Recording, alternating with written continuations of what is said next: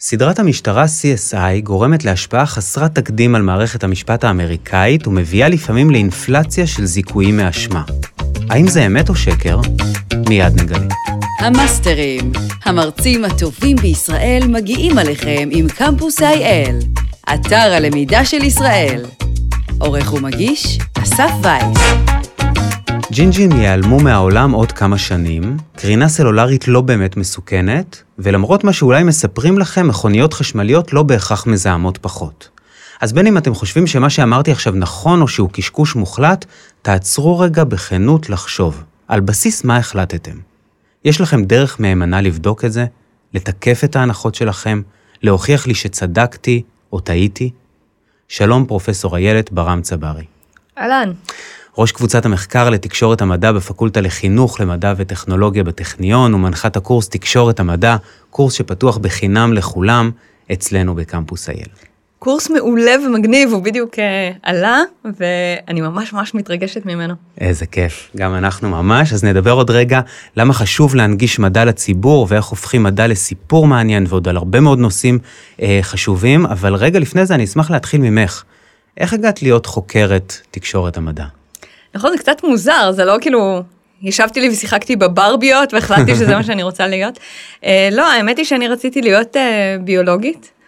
Uh, רציתי uh, למצוא תרופה לסרטן, חיסון לאיידס, להפך. Uh, מאוד מאוד אהבתי את uh, הסליל הכפול, The Double Helix, mm-hmm. uh, שתיאר את uh, גילוי מבנה ה-DNA, זה מה שרציתי להיות. לא נעים להגיד, אפילו הייתי קוראת ספרונים כאלה של האוניברסיטה המשודרת על הנדסה גנטית בצמחים, כאלה. כאילו, זה, זה סוג הטיפוס שהייתי. ובאמת נרשמתי ללימודי ביולוגיה בתואר ראשון, וקרה משהו קצת לא נעים, איזשהו משברון משמעותי שגיליתי שאני מאוד אוהבת ללמוד על מדע ולדבר על מדע ולכתוב על מדע, אני פשוט לא אוהבת לעשות מדע. Mm. זאת אומרת, סבלתי בתוך המעבדות, ממש ממש לא אהבתי את זה. במחקר? במחקר עצמו. Mm-hmm. וכמה שניסיתי לשכנע את עצמי, היה די ברור שזה לא, זה לא הולך לשום מקום. וככה ישבתי לי במשבר והתייעצתי עם אחת מחברות הסגל, מה לעשות? אמרתי לה, את יודעת, אני עיתונאית, באותה תקופה התפרנסתי מעיתונאות. אמרתי, אני נורא נורא אוהבת לדבר על מדע, אני נורא אוהבת אה, אה, לכתוב על מדע, לקרוא מדע, אני פשוט לא אוהבת לעשות ביולוגיה. אז היא אמרה לי, את יודעת, יש איזה תחום אה, שנקרא הוראת המדעים. אה, נראה לי שזה עשוי להתאים לך. ופחות או יותר בהתבסס על המשפט הזה, שיניתי את הקריירה שלי. עשיתי מעבר למדעי החברה, אה, והתחלתי ללמוד אה, אה, בעצם את תחום של הוראת המדעים במכון ויצמן. ותוך כדי שהייתי שם המשכתי להיות עיתונאית. וכל הזמן אמרתי לעצמי, זה נורא מוזר כמה אנחנו משקיעים אנרגיה בלשכנע את הילדים המסכנים האלה שהם צריכים לדעת משהו שהם בכלל לא רוצים לדעת, בעוד שיש כל כך הרבה אנשים שרוצים לדעת כל כך הרבה דברים על מדע. באות, באותה תקופה הייתי uh, עורכת משנה של תוכנית שקראו לה חדשות המדע עם טל ברמן. Mm.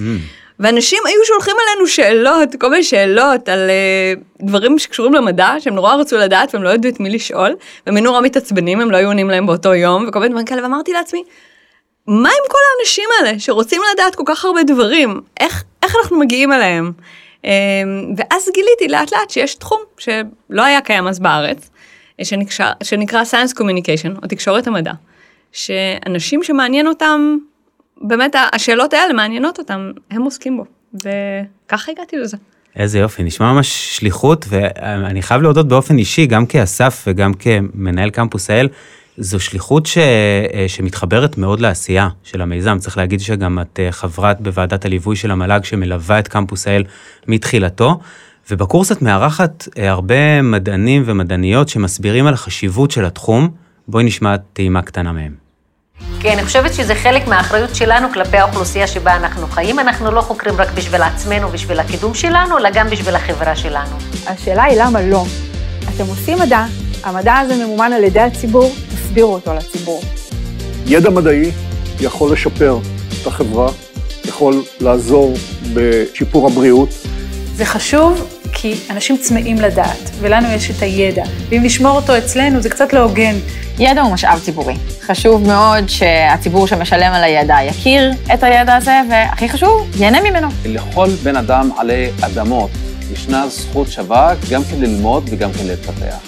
אז שמענו עכשיו בין היתר את נשיא הטכניון וגם פרופסור ליעד מודריק ופרופסור חוסם חייק, שניהם התארחו במאסטרים ואגב תוכלו לשמוע אותם בפרקים אחרים פה בפודקאסט. אז איילת, הקורס בעצם מיועד למדענים, למורים, לעיתונאים, גם וגם וגם. אה, אני חושבת שגם וגם, זאת אומרת, יש כאן שני קהלים ראשיים. הקהל הראשון זה הקהל של אלה שיוצרים את הידע החדש. המדענים והמדעניות, תלמידות המחקר, תלמידי המחקר, אה, שידעו וילמדו איך אפשר לקחת את הדברים המדהימים שהם עושים ולהנגיש אותם לקהלים יותר רחבים מאשר האנשים שנמצאים בבנץ' לידם. זאת אומרת, mm. זה לא רק הקהל הרחב, זה גם אה, אנשים בפקולטה הסמוכה, שהרבה פעמים בכלל לא מדברים את אותה שפה. אה, זה בני משפחה שלהם, וזה העיתונות, וזה התורמים, וזה מקבלי ההחלטות. יש המון קהלים שאנחנו רוצים להנגיש אליהם את הידע המדעי החדש, ושהוא רלוונטי להם. וקהל שני, זה הקהל שדיברת עליו, שזה בעצם מנגישי מדע מקצועיים. אם זה אה, מדריכים ב... במוזיאון מדע, אוקיי? Mm-hmm. אם זה מורי מדעים, מורי ומורות מדעים. הם בעצם עוסקים כל היום בהנגשת מדע, רק אף אחד לא קורא לזה ככה. Okay. אז שני הקהלים האלה היו לי בראש כש... הכנתי את הקורס. ואני מנסה לחשוב על עוד קהל, עבדתי הרבה שנים בתקשורת, ולפעמים באייטמים מדעיים התלבטנו מה יותר נכון, לתת לעיתונאים איזושהי הכשרה מדעית בסיסית כדי שידעו לטפל בזה בצורה מקצועית ומעמיקה, או שאולי דווקא עדיף לנסות לספק למדענים סקילסט תקשורתי של איך לספר סיפור ואיך להפוך מחקר לאייטם, אפילו לא עלינו, אייטם מקליק. אז הציבור הרחב הוא, הוא גם קהל היעד, או שנשאל את זה אחרת, יכולה להיות לו גם השפעה על המדע? אוי, איזו שאלה מעולה. Um, אני לא חשבתי על הציבור הרחב כקהל יעד לקורס, אבל אני בהחלט חושבת על הציבור הרחב כקהל יעד לאנשים שמעורבים ומשפיעים על המדע. Mm-hmm. אני חושבת שחלק נורא נורא חשוב ממה שאנחנו יודעים עכשיו ומנסים לקדם, זה שתקשורת המדע זה לא אירוע חד-כיווני. זאת אומרת, בסדר, יש את המדענית שיודעת המון המון המון, ואת הציבור שיודע הרבה פחות, ואם המדענית מנסה להנגיש את הידע שלה אה, בצורה אטרקטיבית, בצורה מושכת, בצורה רהוטה, כדי שכמה שיותר אנשים ידעו את זה. אוקיי? אבל זה דבר אחד. יש עוד המון פנים לתקשורת המדע. פן אחד זה הפן של מעורבות. אם המדע משפיע עלינו כל כך כחברה, אנחנו גם רוצים שתהיה לנו דרך להשפיע בחזרה. אמ, תחשוב על זה שהמון דברים ב, אה, בחיים שלנו, ובטח בחיים שיהיו לנו, מושפעים ממדע ומטכנולוגיה שנגזרת מהמדע הזה. סתם דוגמה, אה, תחשוב על אה, קריספר, הכלי הזה שיודע עכשיו לעשות עריכה, של, עריכה של הנדסה גנטית, עריכה של גנומים טוב יותר מכלים שהיו קודם, שמאפשרים להרבה יותר חוקרים בהרבה יותר תחומים לעשות עריכה של הנדסה גנטית. הכלי הזה, מישהו צריך להחליט מתי מותר להשתמש בו, מתי אסור להשתמש בו, אה, מה צריכים להיות הגבולות המוסריים של השימוש שלנו כבני אדם בכלי הזה. אני לא חושבת שרק בגלל שלמישהו יש תואר שני בביולוגיה ובמקרה הוא עבד במעבדה של אה, ביולוגיה מולקולרית, אז הוא צריך להחליט בשבילי. אה, מה לעשות ומה צריכים להיות הגבולות האלה. Mm-hmm. אנחנו כחברה צריכים שיהיה לנו את היכולת להבין במה מדובר, בגדול, ולהשתתף בשיחה הזו. אז זה מקום אחד, שהשיחה היא דו-כיוונית. והמקום המאוד מלהיב ונוסף, זה זה של אה, שיתוף הציבור במחקר. זאת אומרת שהציבור לוקח חלק במחקר עצמו, כחוקרים, במסגרת מדע אזרחי ומדע קהילתי. Mm-hmm. וזה כולל בין היתר גם נושאים שהם יותר נפיצים, כמו ניסויים בבעלי חיים? אז באמת כשאנחנו מדברים על uh, מעורבות הציבור במדע, אני חושבת שניסויים בבעלי חיים זה מקום שבו אפשר לראות שהעמדות של הציבור נורא נורא משפיעות על מה ש... על הרגולציה של המדע בסופו של דבר. מכיוון שבאמת אה, זה נושא נורא נפיץ, להמון אנשים יש המון רגשות לגביו. אז מצד אחד, אתה כמדען, אם אתה עוסק בניסויים בבעלי חיים, יש לך אינטרס מאוד ברור שהציבור ידע למה זה חשוב, mm-hmm. ולמה זה מועיל. כי אם זה לא חשוב ולא מועיל, אז באמת למה? בשביל מה לעשות את זה? מצד שני, אני חושבת שהקהילה המדעית גם צריכה ואף לוקחת בחשבון את העמדות של הציבור שבתוכו היא פועלת, ומשנה דברים, משנה את איך שעושים רגולציה, משנה על מי עושים ניסויים וכמה עושים ניסויים, לפי העמדות של הציבור שבתוכו היא פועלת. אמ, אני חושבת שזו עוד דוגמה מאוד חזקה, למה השיחה הזו חשוב שהיא תהיה שיחה בריאה. כן, בריאה וגם לדעתי אולי עם רפלקסיה עבור המדענים על זה שבסופו של דבר זה לא רק להנגיש, כי, כי הנגשה, כל פעילות הנגשה היא, היא לעולם לא ניטרלית. נכון, נכון. אז יש את הרובד הזה של ההנגשה, אבל איך אפשר גם לשכנע אנשים שזה אשכרה מעניין ומאוד מאוד משפיע על החיים שלהם? אני חושבת שאולי אחת הדרכים הכי חשובות, שאני לפחות מנסה אה, לדבר עליה בקורס, היא להקשיב למי שאתה רוצה לדבר איתו, להבין עם מי אתה הולך לדבר ולנסות להבין מה הקהל הזה רוצה לדעת, מה הקהל הזה כבר יודע, מה הקהל הזה צריך לדעת. אני חושבת שמה שאנחנו הרבה פעמים עושים זה יש לנו את המסר ועכשיו אנחנו מנסים, אה, אנחנו מנסים להנגיש אותו בצורה הכי טובה ובהירה ומקסימה, אבל זה המסר שלנו. ואנחנו לפעמים לא עוצרים לחשוב מה הצד השני רוצה לדעת בעצם. אה, אז אם יש באמת take home message אחד שאני רוצה שאנשים יצאו איתו מהקורס, זה להקשיב, להבין מה עשוי לעניין את הצד השני, ואז לחשוב איפה המדע פוגש אותם. אז בסדר, אנחנו כרגע מקיימים את הרעיון הזה ב, בתקופת הקורונה, אז אה, יחסית אה, יש הרבה מאוד אנשים שמתעניינים בדבר, באספקטים שקשורים לקורונה, אבל לא כולם בני מזל כמו מתקשרי אה, קורונה במהלך מגפה, ובאמת אנחנו צריכים לחשוב איפה אנחנו ואיפה המדע שלנו פוגש את מה שאנשים צריכים. ואני מנסה להכניס לכל התחום המרתק הזה ש, שקיים שנים את עולם הניו מדיה, הרשתות החברתיות. כי נדמה שבעשור וחצי האחרונים הן יוצרות מצב שבו יש אולי מיליארדי עיתונאים בעולם, חלקם בעיני עצמם, ואז יש כמובן צדדים חיוביים של דמוקרטיזציה של הידע, ביזור מוקדי כוח, חשיפה למגוון עשיר של דעות, אבל בצד השני אנחנו מתחילים לפגוש בתופעות כמו פייק ניוז. איך מתמודדים איתם? טוב, אני משערת שאנחנו לא מתחילים לפגוש פייק ניוז, פייק ניוז היו באמת אה, כנראה מאז שהיו news, אבל אנחנו באמת, כמו שאתה אומר, גם פוגשים יותר וגם מתקשים יותר אולי להבחין, כי קשה לנו יותר להבחין בין מקורות מהימנים ולא מהימנים. Mm-hmm. אני חושבת שהמאבק שלנו כקהילה מדעית, המאבק שלנו אה, בפייק ניוז, אה, צריך להבחין באמת בין אנשים שהם אה, עושים את זה במכוון, אנשים שהם אה, קונספירטיביים מאוד, או אנשים שבכוונה רוצים לשקר, ואין לנו מה לבזבז את זמננו בלנסות לשכנע אותם, או להשכיל אותם, או אפילו להידבר איתם. זה לא משהו שעומד אה, לשנות את דעתם. אה, לעומת זאת, יש המון המון אנשים שנחשפים לתכנים האלה והם מאוד מבולבלים, הם רוצים לדעת אם זה נכון או לא נכון. ושם אני, אני באמת חושבת שמה שאנחנו יכולים לעשות זה ליצור סביבה שיש בה יותר תכנים שהם גם אמינים ונכונים וגם נגישים ואנשים יכולים להבין אותם ויכולים להבין גם למה הם צריכים להאמין להם. זאת אומרת, לתת לאנשים את הסיבה להאמין לך. הבנתי, אז את בעצם אומרת, תמיד היו תופעות כאלה, הן כמובן כנראה עכשיו הרבה יותר מתרחבות, והרבה פחות יש לנו את הכלים לדעת מה מהימן ומה לא, ובכל זאת, איך אני כצרכן יכול לדעת למי להאמין? אוי, זאת שאלה נורא נורא קשה. אה, יש את ה...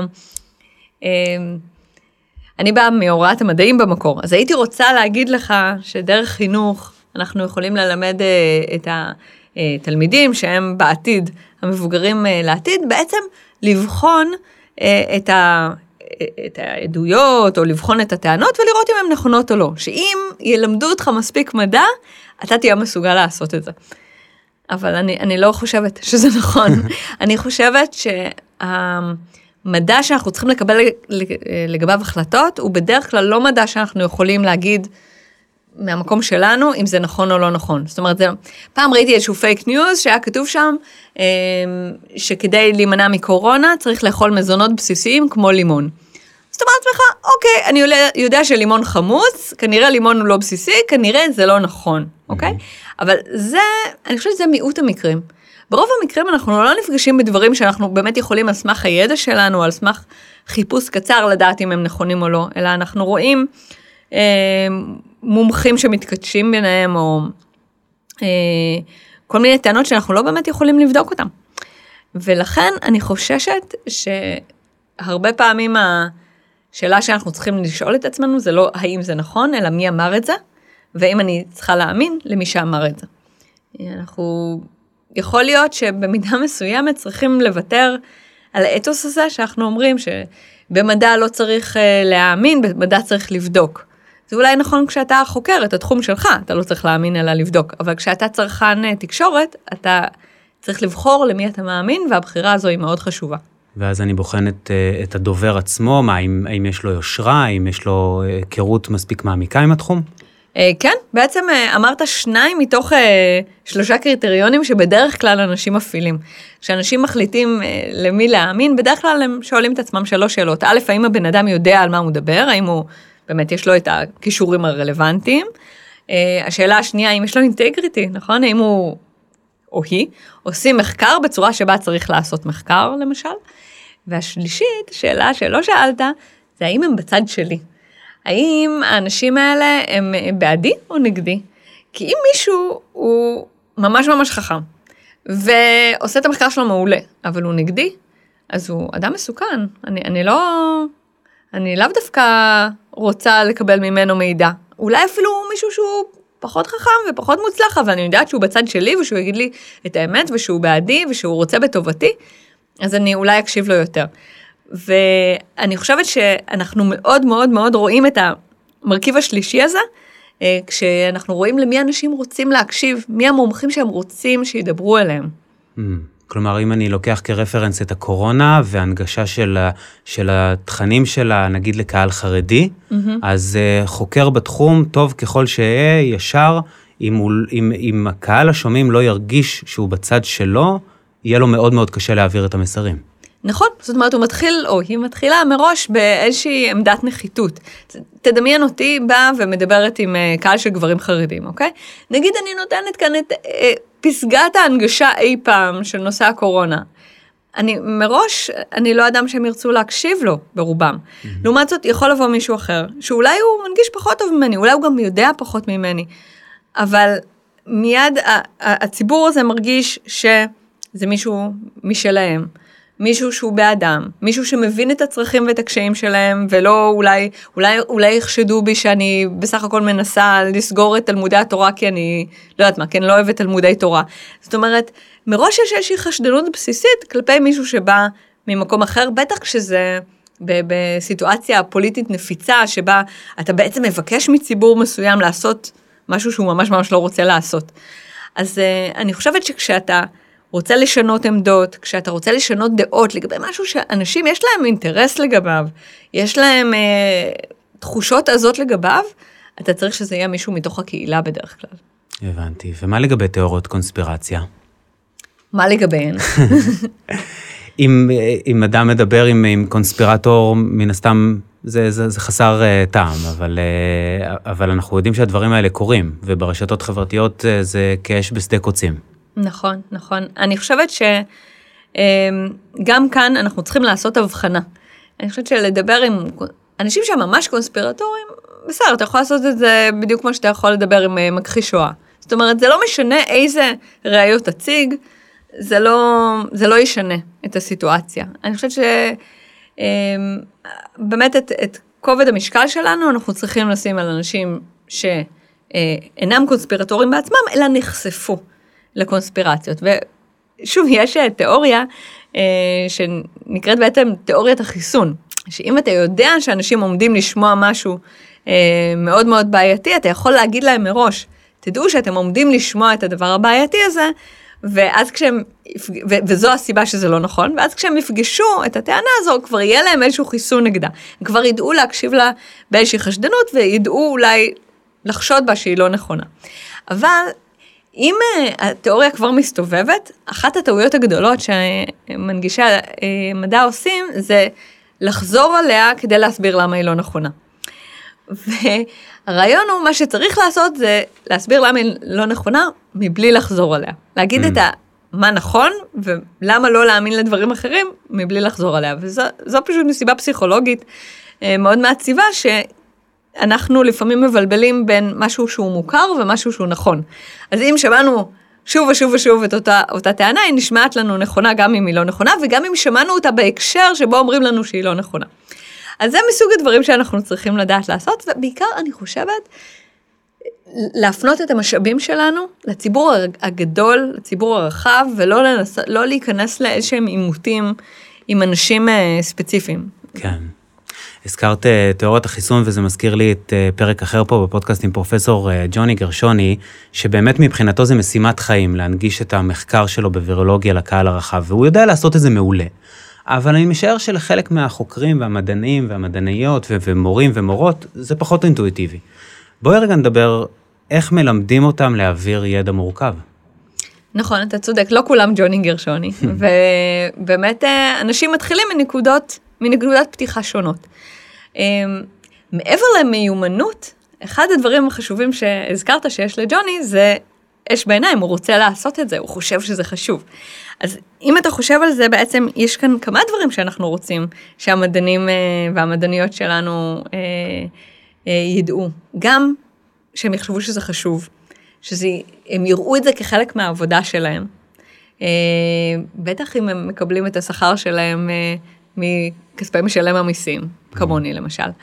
אה, אתה רוצה שתהיה להם איזושהי מיומנות, ואתה רוצה שזה ממש יהפוך לחלק אפילו מהזהות שלהם. זאת אומרת שהם יחשבו על עצמם כמתקשרי מדע, כמנגישי מדע. יש כל מיני דברים שאפשר ללמד. ובאמת אה, בקורס אני מתחילה מהדברים הכי בסיסיים, כמו מה זה סיפור טוב ומה זה לא סיפור טוב, ולא להשתמש בז'רגון, בהגה מקצועית, ואיך לדבר עם עיתונאי, ואיך להת... להתכונן לראיון, כל מיני דברים מהסוג הזה. ועם כל כמה שזה נראה מאתגר לאנשים, והמשימות שהם צריכים לעשות אה, נראות להם מאתגרות, זה החלק הקל, כי זה החלק הטכני. מי שרוצה ללמוד את זה, בעיניי ילמד את זה. אני חושבת שהחלק היותר קשה זה לעשות את הסוויץ' בראש, ועל זה אנחנו בעצם מדברים אולי בעיקר בחצי השני של הקורס, ולחשוב על תקשורת המדע כמשהו שהוא שיחה, לא רק שאתה בא להסביר לאנשים שלא יודעים כלום את הדברים היפים שאתה רוצה להסביר להם, אלא שיכול להיות שגם אתה תשתנה בתהליך, שיכול להיות שלך יש מה ללמוד, mm. שיכול להיות שאתה תשמע כל מיני דברים שאתה לא אוהב, אבל אתה צריך להבין שאתה לא הולך לשנות את כולם, אלא לנסות לתת להם כלי להשיג את המטרות שלהם. אני אתן לך דוגמה, עכשיו אה, הקורס אה, הראשון אה, הרי עלה יחד עם איזשהו קורס בטכניון, אז גם היו לי סטודנטים בטכניון שראיתי אותם לוקחים את הקורס תוך כדי, וזה נורא מעניין לראות את התגובות שלהם. ובאחד הפרקים האחרונים דיברתי על איך להגיע לקהלים שלא לא חושבים על עצמם כקהלים שמתעניינים במדע. ו... אחד הקהלים האלה שכבר דיברנו עליהם, הם בעצם, אה, זה הקהל החרדי, ודיברתי שם עם שני אה, עיתונאים נורא נורא מעניינים, שמסקרים בעצם מחקר ליתד נאמן. וזה היה מרתק לדבר איתם, בגלל שבעוד אה, שאנחנו חושבים בזעזוע על הרעיון של צנזורה, ובטח mm-hmm. צנזורה בנושאי מדע, מבחינתם זה מובן מאליו. ברור שיהיה צנזורה, ברור שהוועדה הרוחנית והם לא יכניסו דברים שיש בהם סכנה לכפירה. זה לא משהו שיש לדון בו, זה מובן מאליו. Mm-hmm. ובשיחה הזו, אני כל הזמן הייתי צריכה לעצור את עצמי ולא לנסות לשכנע אותם, ולא לנסות להתווכח, אלא פשוט להקשיב. ולהבין כן. איך הם רואים את זה, ואיך אני יכולה להביא את מה שחשוב לי לקהל הזה דרך המסננות האלה. איזה יופי. דוגמה נהדרת שמתחברת לי לכל כך הרבה אה, אה, דברים ששמעתי בקורס. נשמע עכשיו קטע נוסף, להקשיב לקהל. זה באמת אחד המסרים המרכזיים שאנחנו שומעים שוב ושוב, גם אה, אנשי מדע ותקשורת שמתראיינים ומשתתפים בקורס. אז אה, ארנון אה, ישמיע לנו קטע נוסף. צריך להיות הנגשה שהיא דיאלוגית. בואו להשמיע, אבל בואו גם לשמוע בעצמכם ולהיות פתוחים. צריך להתאים את עצמך בתור דובר כמדען או כחוקר לסוג הקהל שאתה מדבר אליו, ולא ההפך. חייבים לדעת מראש בדיוק לאיזה קהל הם מכוונים את הנגשת המדע. קודם כל תסבירו לעצמכם למה אתם חושבים שהמדע הזה רלוונטי לחיים של הנמענים. צריך לזכור שאין תשובה אחת נכונה לאיך מנגישים מדע. יכול להיות שתמיד צריך אה, לפתח שיטות חדשות כדי להתאים את ההנגשה לקהלים שונים. תהיו אמפתיים, תחשבו איך המסר שאתם מעבירים יתקבל בצד השני. זה לדעת שכל אחד שיושב מולך יש לו הרבה מאוד ידע, אבל בתחום שונה משלך. אז תדבר לאנשים תמיד, או תדברי לאנשים תמיד כאל אנשים שיש להם המון ידע. הם רק במקרה לא נורא מתמצאים בתחום שאתה או את חוקרים. שהמדען ירד מהפודיום וידבר אל הציבור אה, בשפה שהציבור יכול להבין, כשותף וכבעלי מטרה משותפת. תלמדו לספר סיפור. בסוף, אפילו מאחורי המולקולה הכי קטנה, יש סיפור. תספרו את הסיפור, תוכלו לייצר את הקשר עם הקהלים שעליהם אתם רוצים להשפיע. תשתמשו במושגים ויזואליים. בלי רקע ובלי מונחים מקצועיים, פשוט תתארו לי משהו שאני יכול לראות בעיני הדמיון. ואני כבר אשאל את השאלות הבאות. תעשו את זה מעניין, תעשו את זה כיף, מדע זה החיים. ליהנות, זה ממש כיף. זה כיף לנו, וזה כיף גם למי ששומע וצופה. עם הדברים החשובים האלה אנחנו נתקרב לסיום. יש לנו חוב מההתחלה עם האמת או שקר, אבל לפני כן נזכיר שכל מה שדיברנו עד עכשיו זה רק הצצה קצרצרה, באמת טעימה קטנה מהקורס העשיר והמקיף תקשורת המדע של הטכניון. הקורס פתוח לכולם בחינם על קמפוס אייל, אתר הלמידה של ישראל בהובלת מטה ישראל דיגיטלית במשרד הכלכלה והתעשייה והמועצה להשכלה גבוהה. מעל חצי מיליון לומדים כבר נהנים ממאות קורסים בחינם והכל בזמן, במקום ובקצב שלהם. מוזמנים להיכנס לקמפוס.gov.il. נגיד גם תודה רבה לאמיר גרון שמוביל את הפרויקט הנהדר הזה, לארנון פרידמן, דנית בן ארי, נילי וייס, ואם אתם רוצים לקבל התראות על פרקים חדשים של הפודקאסט, מוזמנים לעקוב, וכמובן גם לדרג ולשתף. ובכן, הסדרה CSI באמת כל כך משפיעה על מערכת המשפט האמריקאית? לא.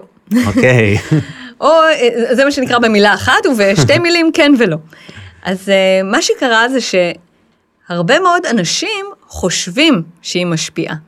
זאת אומרת, אם אתה הולך ומדבר עם התובעים ועם הסנגורים ועם השופטים, אז הם מאוד מודאגים שהמושבעים, בגלל שהם ראו המון CSI או תוכניות דומות, אז הם חושבים שבדיקות DNA יכולות לגלות כל דבר, ושאם אין בדיקת DNA משהו לא בסדר באיך שהמשטרה עבדה.